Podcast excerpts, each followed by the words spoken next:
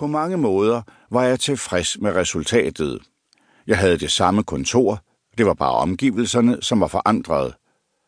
Adressen var stadig Strandkajen 2, 3. sal. Alle var velkomne med det, de måtte have på hjerte. Der skulle meget til for at overraske mig, hvis de da ikke kom fra Haugesund og sagde, at de var min søster. Kapitel 2 Vores blikke mødtes. Kommer det som en overraskelse for dig? Ikke helt.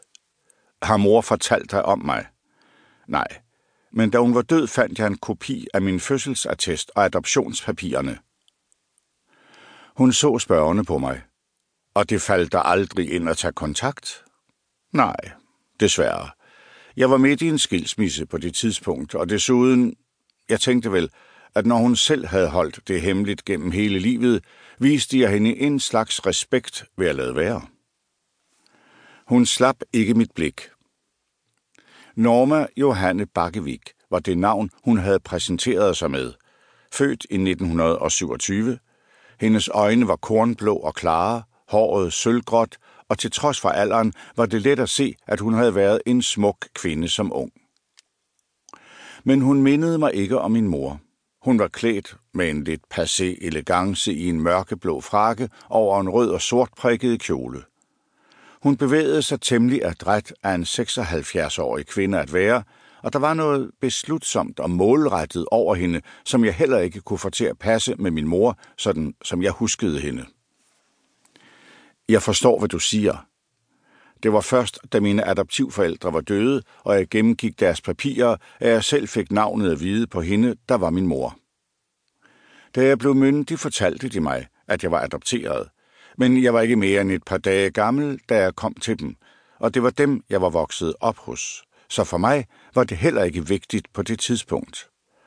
Det var jo dem, der var mine forældre, og som stadig er det oppe i mit hoved. Din, vores. Hun blev ved med at være en fremmed. Ja. Da jeg opsøgte hende i februar 1975, var hun alligevel forbløffende åben, da hun først var kommet sig over chokket.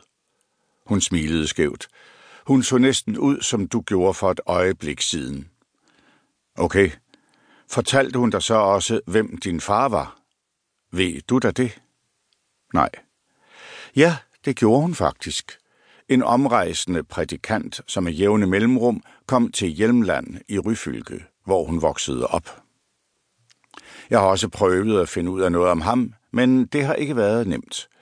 Han har slettet sine spor godt, hvis man kan sige det på den måde. Peter Paulus Haga. Der gik ligesom et stød igennem mig. Hed han virkelig det? Peter Paulus Haga? Ja, siger det der noget. Navnet dukkede op i en sag, jeg påtog mig for nogle år siden. En aktuel sag? Nej, det lyder mærkeligt, men den var faktisk 100 år gammel og Peter Paulus Hacker dukkede op i et af sidesporene til den, faktisk som et drabsoffer. Et drabsoffer? Ja. Jeg gav hende et koncentrat af den meget specielle kriminalsag, som jeg havde fået overdraget i slutningen af 1999. Hun lyttede opmærksomt, og da jeg var færdig, blev hun siddende og stirrede lige frem for sig, ud af kontoret og langt tilbage i tiden. Da hun endelig vendte tilbage igen, sagde hun, Vidste vores mor noget om det her? Det tvivler jeg på. Hun havde været død i mange år, da jeg fik den sag, og jeg fandt intet som helst om Peter Paulus Hacker i hendes efterladte papirer. Hvad fandt du da så? Ikke ret meget. Fødselsattesten og adoptionspapirerne som sagt, og nogle avisudklip om et jazzorkester, som kaldte sig The Hurricanes. Ja så, var hun da interesseret i den slags? Ikke så vidt jeg ved.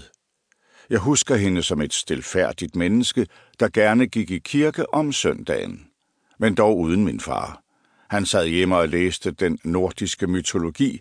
Jeg ville helst tage på fjellet. Det lyder som en mærkelig familie. Ja, det var vi måske. Nu var det min tur til at falde i staver. Hun brød stilheden. Kan du huske